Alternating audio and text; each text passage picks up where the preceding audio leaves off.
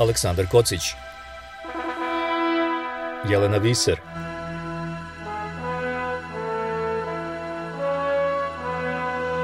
Radio Karantin. Hronika istorije u nastajanju. Jelena Fiser i ja nastavljamo razgovor sa Svetlanom Gavrilov, njurškom naučnicom u farmaceutskoj kompaniji Bristol Myers Squibb i Nevenom Anđelićem, profesorom međunarodnih odnosa na Univerzitetu Regents u Londonu. Pričamo o odnosu nauke i politike tokom ove pandemije. Pitali smo Svetlanu koliko su za uspeh nauke važni demokratija i krupni kapital. U naučnom svetu um, ja mislim da um, je u stvari glavno pitanje šta je potrebno tržištu. I znači čak i u tom nekom medicinskom smislu ukoliko za određenu bolest e, ne postoji lek, a od te bolesti boluje veliki a, broj ljudi, onda je to a, veliki zamajac da se za, za tu bolest nađe lek. Tako da kapital sa, sa jedne strane promoviše i podržava istraživanja u smislu pronalaženja novih lekova za bolesti koje su velike, ali sa druge strane to ostavlja na cedilu ljude koji boluju od takozvanih redkih bolesti, gde se jednostavno farmaceutskim industrijama ne isplati da pronađu lek za recimo bolest od koje na svetu boluje 5000 ljudi. Znači, e sad, tu, i tu su se stvari polako promenile, a, zato što postoje kompanije koje su se usmerile baš na te redke bolesti, jer kada saberete koliko na svetu ima ljudi koji boluju od redkih bolesti, u stvari njih ima puno. I znači tu je, tu je a, taj balans, a, da kažem, pomeren i a, zahvaljujući artificijalnoj tehnologiji, a, mašinskom učenju, sada se a, polako pojavljuju neke druge metode za pronalaženje novih lekova, a, takozvano repurposing, znači da se ti um, molekuli, odnosno lekovi koji su već uh, hemijska jedinjenja, koje su već napravljena, koje postoje, takozvane compounds, se ponovo testiraju, ne bi li se uhvatio neki, da kažem, ne, ne bi li se uhvatila veza sa nekom bolešću za uh, koju prethodno ta taj lek nije u stvari bio uh, ispravan. Zar nam nije ova kriza pokazala da praktično bez jake intervencije države, bila ta država autoritarna ili demokratska, uh, ne možemo da se izborimo sa ovakvim krizama, jer uh, američki proizvođači vakcina su dobili veliki novac od, odnosno američka farmaceutska industrija, od države. Slično je i ovde u Velikoj Britaniji. Da ne govorimo o Rusiji i o Kini apsolutno i to bi u stvari bio drugi deo mog odgovora, e, jer bez, bez podrške koja naučnicima dolazi od strane države, konkretno u Americi od strane NIH-a, znači e, nacionalne, Nacionalnog instituta za zdravlje, koji je glavni financijer akademskih naučnih projekata a, ja mislim da bi, da, da bi sve otišlo u sunovrat, zato što su tu u stvari klice nove nauke, a, tu su klice svega onoga što bi moglo da bude, znači taj jedan vizionarski pristup budućnosti i apsolutno država mora da interveniše, država mora da ulaže u nauku, čak i u onim slučajevima gde nije očigledno zašto će se to u narednih 10, 20 40-50 godina primeniti i evo recimo to je konkretno primer ovih novih vakcina koje je napravio Pfizer i Moderna koje su zasnovane na mRNK tehnologiji i sada se u stvari razmišlja o tome da se sličan pristup, znači princip, ta metoda pokuša a, da se sa njome naprave lekovi za neke druge bolesti. Znači to bi bio veliki, veliki proboj, a praktično um, naučnici koji su prethodnih 20-30 godina radili na ovoj tehnologiji su jedva sastavljali kraj s krajem. Nevene, pre godinu dana smo mi u ovom podcastu pričali kako ovakve varedne situacije pogoduju vlastima u mnogim zemljama da ograničavaju ljudska prava građanima. Kakva je danas situacija i da li e, možete da nam navedete neke primere gde su posebna ovlašćenja koja su vlasti sebi davale ostala na snazi? Pa imamo, mislim, sad su se i organizacije za ljudska prava, ra, razni naučnici, pratili su zbivanja i šta se dešavalo, pa recimo došli su međunarodni, ja sad prevodim s engleskog, međunarodni komitet za neprofitno pravo, oni imaju vrlo zanimljive nalaze gdje govore da oko 8, da najmanje 83 e, vlade svjetske e, su se iskoristile ovu pandemiju e, da opravdaju ugrožavanje odnosno pomicanje nekih normi ukidanje nekih od osnovnih ljudskih prava kao što su recimo sloboda govora, sloboda političkog organizovanja, zatim su mediji neki bili ovaj branjeni, čak je u Ugandi čini mi se da u slučaju ubistva je bio, potom imamo da su ljudi u, u dugotrajno zatvarani Bangladeš, Kina, Egipat. Znači, to su, to su neki od primjera. Mislim, ja sam onda gledao, malo se fokusirao više na Evropu i sad na ove, što se kaže, naše krajeve. I naravno, tu imamo, recimo, što se tiče sile, upotrebe sile od strane države, od strane državnih organa prema ljudima koji kritiziraju da li politike generalno ili specifično politike reakcije reakcije na pandemiju. U Ukrajini i u Srbiji se to dešavalo od e, strane e, od evropskih zemalja, sve zajedno 18 zemalja u svijetu. Potom imamo da su mnoge vlade koristile ono neopravdana hapšenja, zatim pritvaranja ljudi. Tu ponovno imamo malo više evropskih zemalja tu od ovih naših i u Srbiju je i Crna Gora. Mislim to sve zavisi zavisi od toga ko prikuplja podatke, potom a, oko cenzure tu bismo mogli Kosovo dodati. Mađarska je vrlo prisutna zemlja u svemu tome. Znači, odražavaju se u svemu tome, u tim politikama ili reakcijama, odražava se u stvari karakter režima koji je svakako postojao tamo u, u određenoj zemlji. I sada je to samo nova prilika da se takva vrsta režima zacementira, da se riješi nekih političkih protivnika kojih se u, pod normalnim okolnostima nije bilo bilo moguće riješiti, a isto tako trebamo biti svjesni tu, ja nisam ekspert, ali ta neka politička psihologija vjerovatno bi mogla izučiti i, pokazati karakter uh, ličnosti ljudi koji vladaju u, u takvim režimima i uh, da jednostavno ne pristaju na kritiku i koriste svaku mogućnost da uh, sebe gledaju u nekom lijepom ogledalu kako oni žele da vide.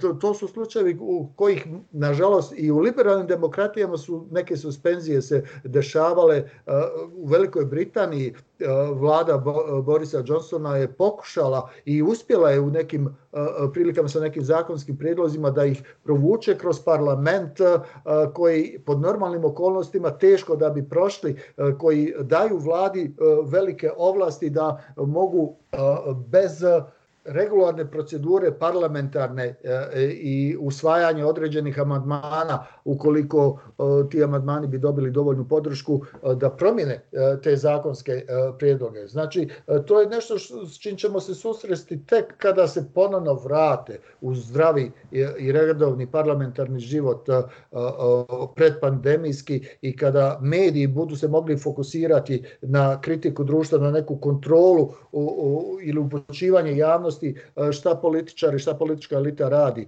A do toga, nažalost, ja mislim da ćemo morati još dosta toga sačekati. Pravo na zdrav život, na pristup javnim uslugama i socijalnoj zaštiti takođe spadaju u osnovna ljudska prava.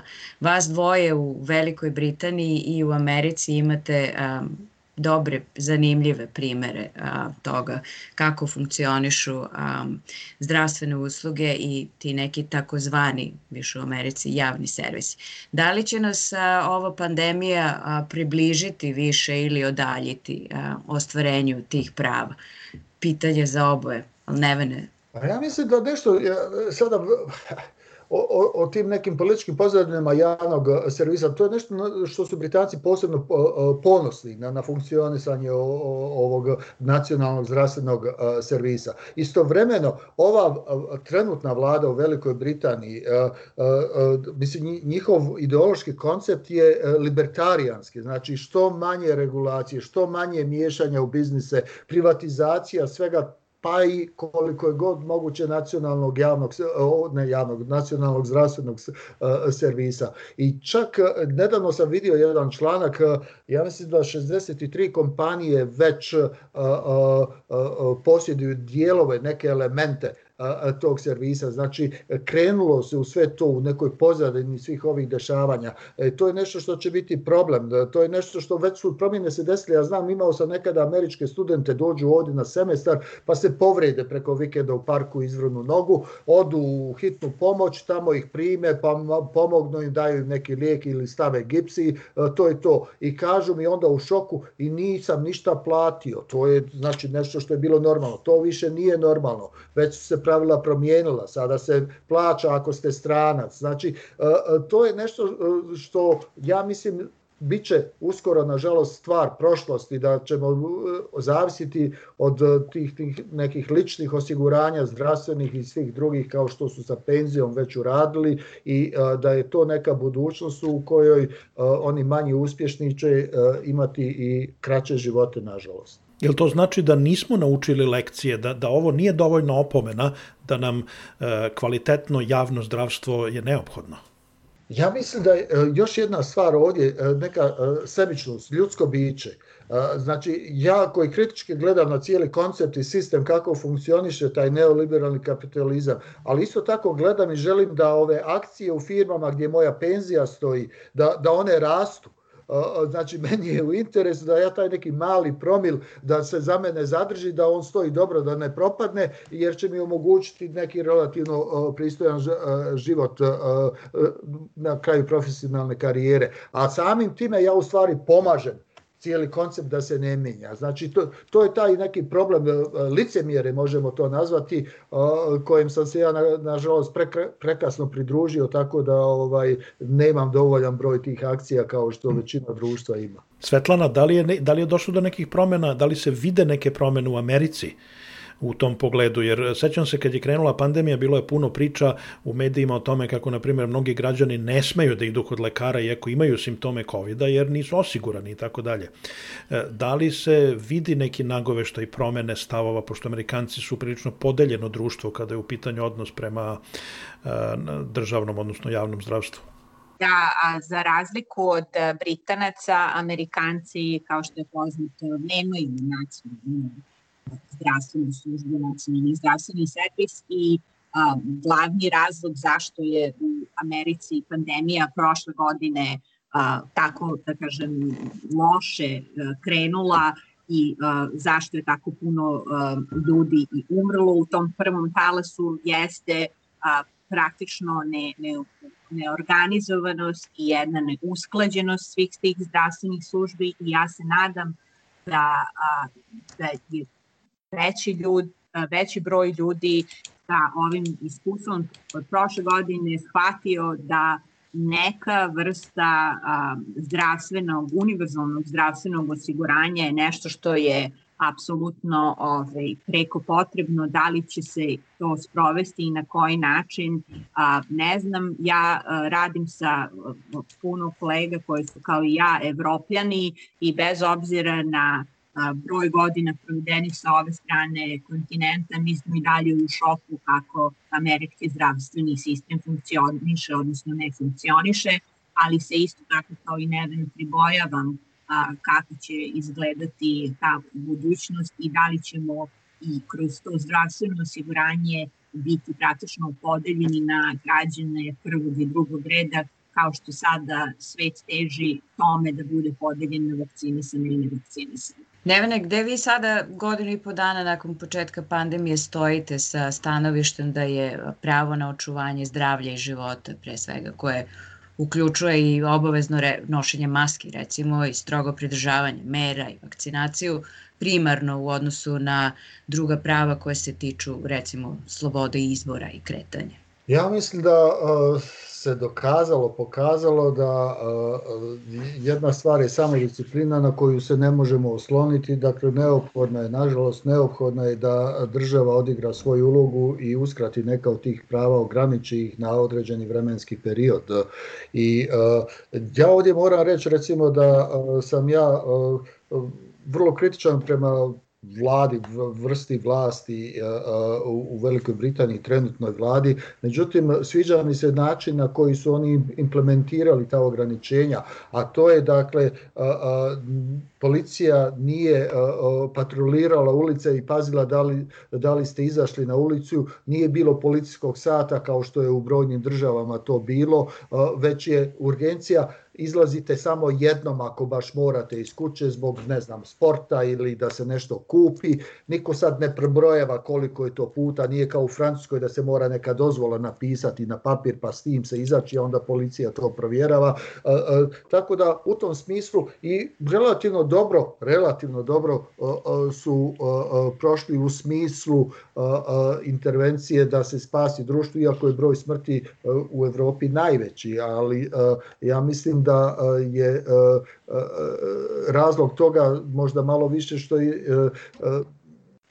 putovanja, mislim i indijski soj naravno da nam je došao jer država nije na vrijeme intervenisala da zabrani putovanja iz Indije Recimo, znači ja sam za državnu intervenciju, to, to, to je neki a, moj stav, ali ne u smislu da se naplaćuje a, a, penzionerima kazna zato što su izašli iz kuće kada je to zabranjeno, već da bude državna intervencija, da se mora maska nositi, da to rade ljudi koji neće primiti u samoposlugu čovjeka bez maske, da, da na taj način, nakon samoorganizacijom, da se implementira odluka koja je donesena od strane političke vlade na osnovu savjeta koji je došao iz struke od profesionalaca zdravstvene e, struke. Svetlana, evo ja sad vidim u vestima da u, ne znam da li u celoj Americi ili u pojedinim američkim državama ljudi koje, mislim se odnosi pre svega na New York, ljudi koji su vakcinisani neće morati više da nose masku.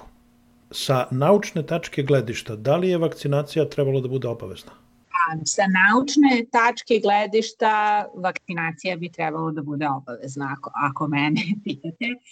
On, tačno je da je a, Centar za kontrolu i a, prevenciju bolesti izdao novo saopštenje. To je bilo potpuno očekivano zato što se je očekivalo da a, na osnovu svih saznanja i podataka koje imamo, znači da su vakcine, vakcine rade, da su vakcine delotvorne i da vakcinisani ljudi imaju malu šansu da se a, zaraze, da obole od korona virusa neće biti hospitalizovani, neće doći do smrtnog ishoda i tako dalje.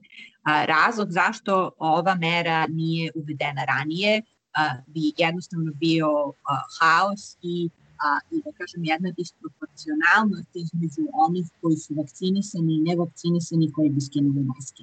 Znači radi se na tome da stignemo do tog a, famoznog a, um, kolektivnog imuniteta, znači je potrebno da 60 do 70% a, populacije bude, bude vakcinisano. Znači vi ako ulazite u jednu prostoriju i sad svi su skinuli a, maske, mi ne znamo ko je ko, ali na osnovu podataka koje imamo, znači oni koji su vakcinisani naravno u toj situaciji ne bi bili ugroženi za razliku od nevakcinisanih, ali znači to je sad jedno, jedna od još od mera da kažem, po, povratak u tu, da ne zovem, novu normalnost i naravno po meni vakcinacija treba da bude a, dobrovoljna sa, sa iz ugla ljudskih prava i tako dalje, ali sa naučne, medicinske strane trebalo bi da vakcinacije budu Evo sad smo u situaciji da neke zemlje e, su jedva počele vakcinaciju jer ne mogu da dođu do vakcina,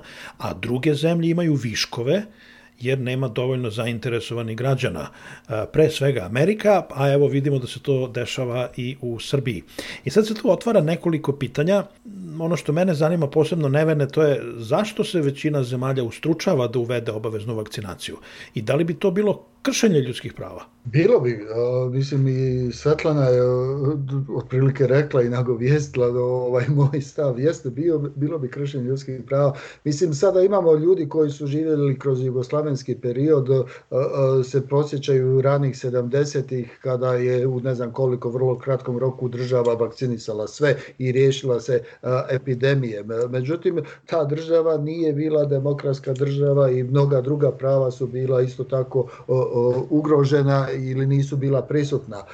Znači, ono što treba ostaviti slobodu ljudima, da, da, treba im ostaviti slobodu, ali isto tako ne treba ostaviti slobodu koje kakvim ljudima bez ikakvog znanja da komentarišu i utiču na javno mijenje sa nekim svojim stavovima koji nisu bazirani ni na kakvom znanju, već hajde da nešto kažemo, taj virus je ovakav ili onakav, to su izmislili ovi ili oni i od toga nema ništa. Znači, veliki broj ljudi je stradao upravo zbog širenja takvih dezinformacija. Kada se predoči informacija, kada se stvarni slučajevi predoči ljudima, onda im treba ostaviti na a, a, slobodu da se odluče da li će se vakcinisati ili ne. Postoje i mislim ljudi koji mislim se boje da imaju strah koji može biti iracionalan, ali je realan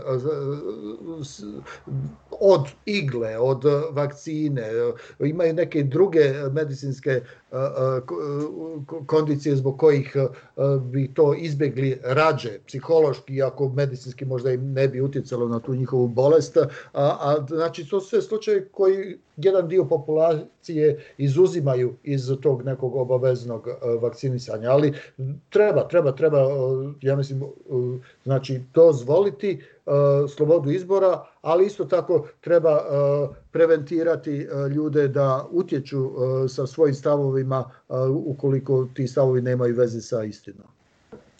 U Srbiji vlast praktično plaća građane da se vakcinišu sad kad je zapelo. U Americi je rađeno istraživanje koje pokazuje da bi 20% skeptika pristalo da se vakciniše za 100 dolara. Svetlana, a šta misliš o ovakvom načinu stimulacije građana da se vakcinišu? Mislim da je to pre svega pogrešno. Mislim da treba da radimo na edukaciji i mislim da je to u stvari glavni problem. A, glavni problem je taj što a, je znanje vezano za prirodne nauke ne samo na prostoru bivše Jugoslavije, a, nego svuda u svetu, znači na jednom sniženom nivou.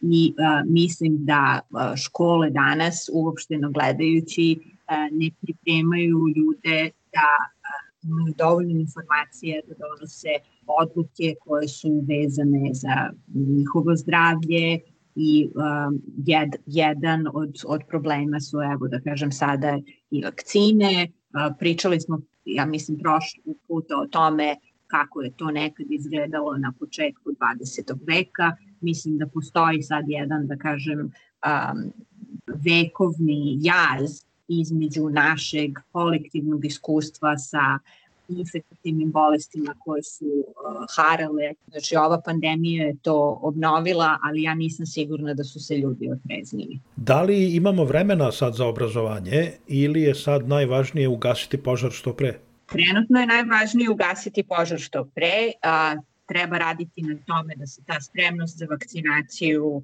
znači da, da, da što više ljudi bude spremno da budu vakcinisani. A, nisam sigurna koliko nam je vremena ostalo, zato što a, svaki svaki izgubljeni dan je praktično dan koji mi poklanjamo virusu i dajemo mu šansu da on ponovo mutira i da izbegne, znači čak i, i ova antitela koja je naš organizam kroz vakcinaciju stvorio.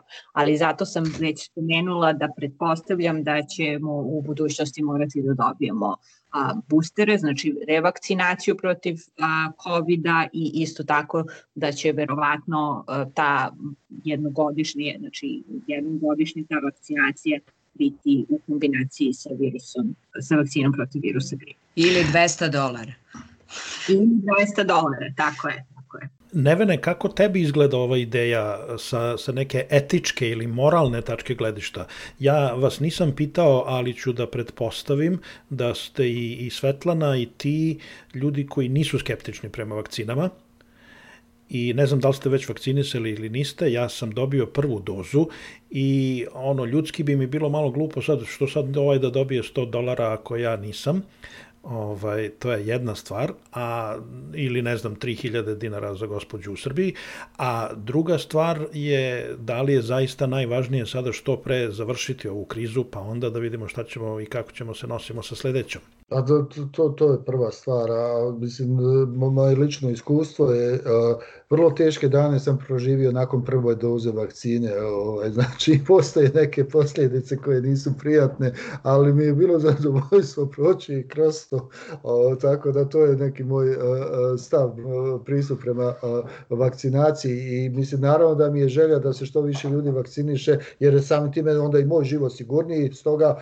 čak i ako ja ne zaradim nešto do dodatno ovaj e, e, nema veze e, to je on, ipak u, u, uslov ko, ko, koji se prihvata. A sada je pitanje recimo te zemlje koje nude to a pre, prvo su nudila vakcina zato što ih ima previše neiskorištenih. Očito znači nešto nije u redu u toj naciji. Sad šta to šta je to što to nije u redu to bi trebala ta vlast izanalizirati onda promijeniti te uvjete da se to ne dešava jer će se vraćati neka forma virusa ili će biti neki drugi problemi u budućnosti. I, primjera radi, mislim, i s jedne strane, recimo, pošto dolazim originalno znači iz Bosne i Hercegovine e, gdje vlast je bila takva da apsolutno ništa nisu uradili da bi se pokrenula pokrenuo proces vakcinacije da bi se pokrenuo proces liječenja pomaganja ljudima i šta se desilo da iz Srbije e, se pruža ta e, pomoć, mogućnost ljudima da se vakcinišu, to su kolone koje su išle prema Srbiji.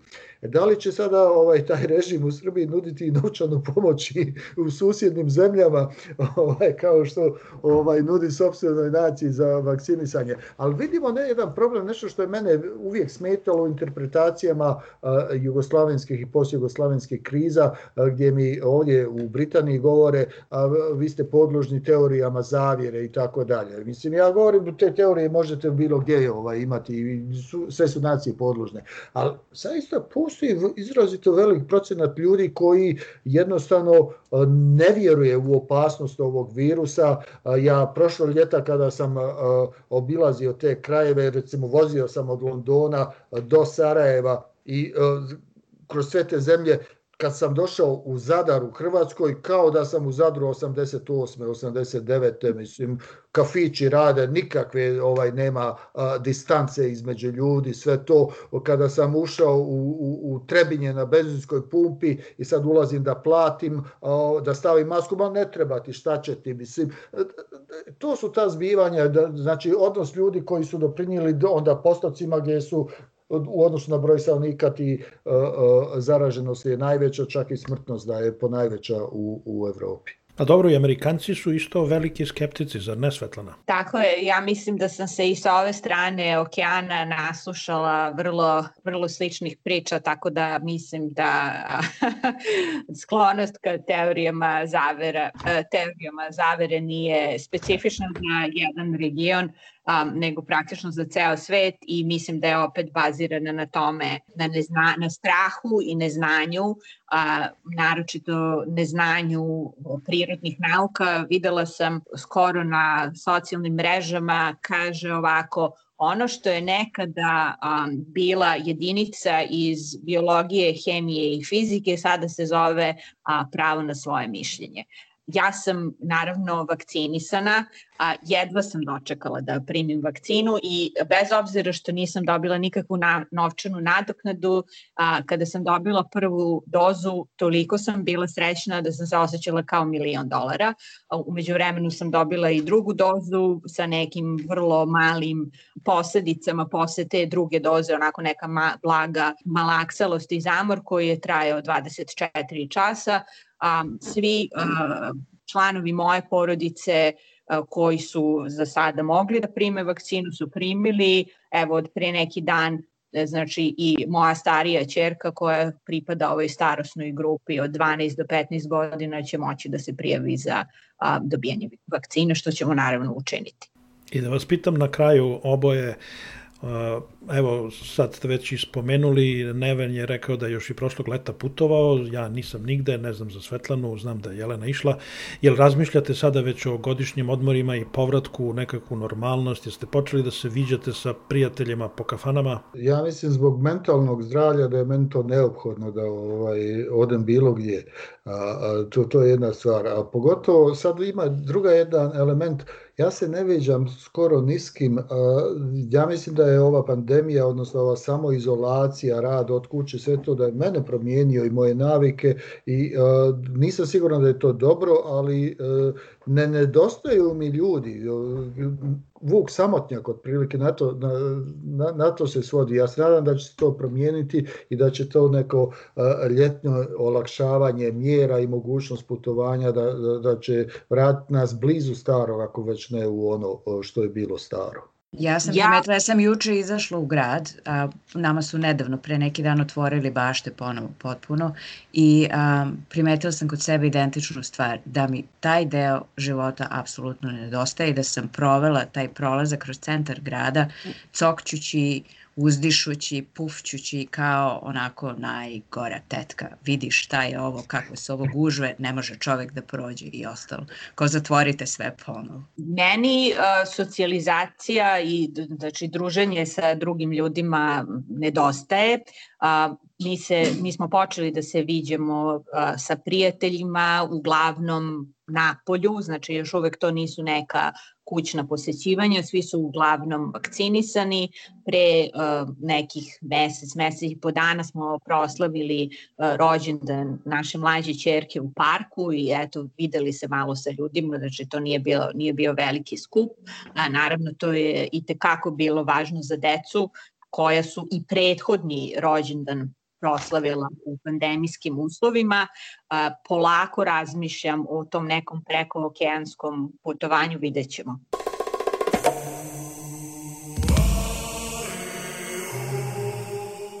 Bili su to Svetlana Gavrilov i Neven Anđelić. Ako vam se sviđa ovaj podcast, ostavite nam ocenu ili komentar na platformi na kojoj ste nas našli. Tako ćete pomoći i drugima da saznaju za nas. Naš rad inače u potpunosti zavisi od vaših donacija. Svaka pomoć i ona najmanja znači nam puno. Možete nas podržati stalnom, mesečnom ili godišnjom donacijom na Patreonu ili jednokratnom uplatom Paypalom. Linkovi za uplate su na našem sajtu radiokarantin.eu. Hvala i čujemo se uskoro ponovo. Aleksandar Kocić Jelena Viser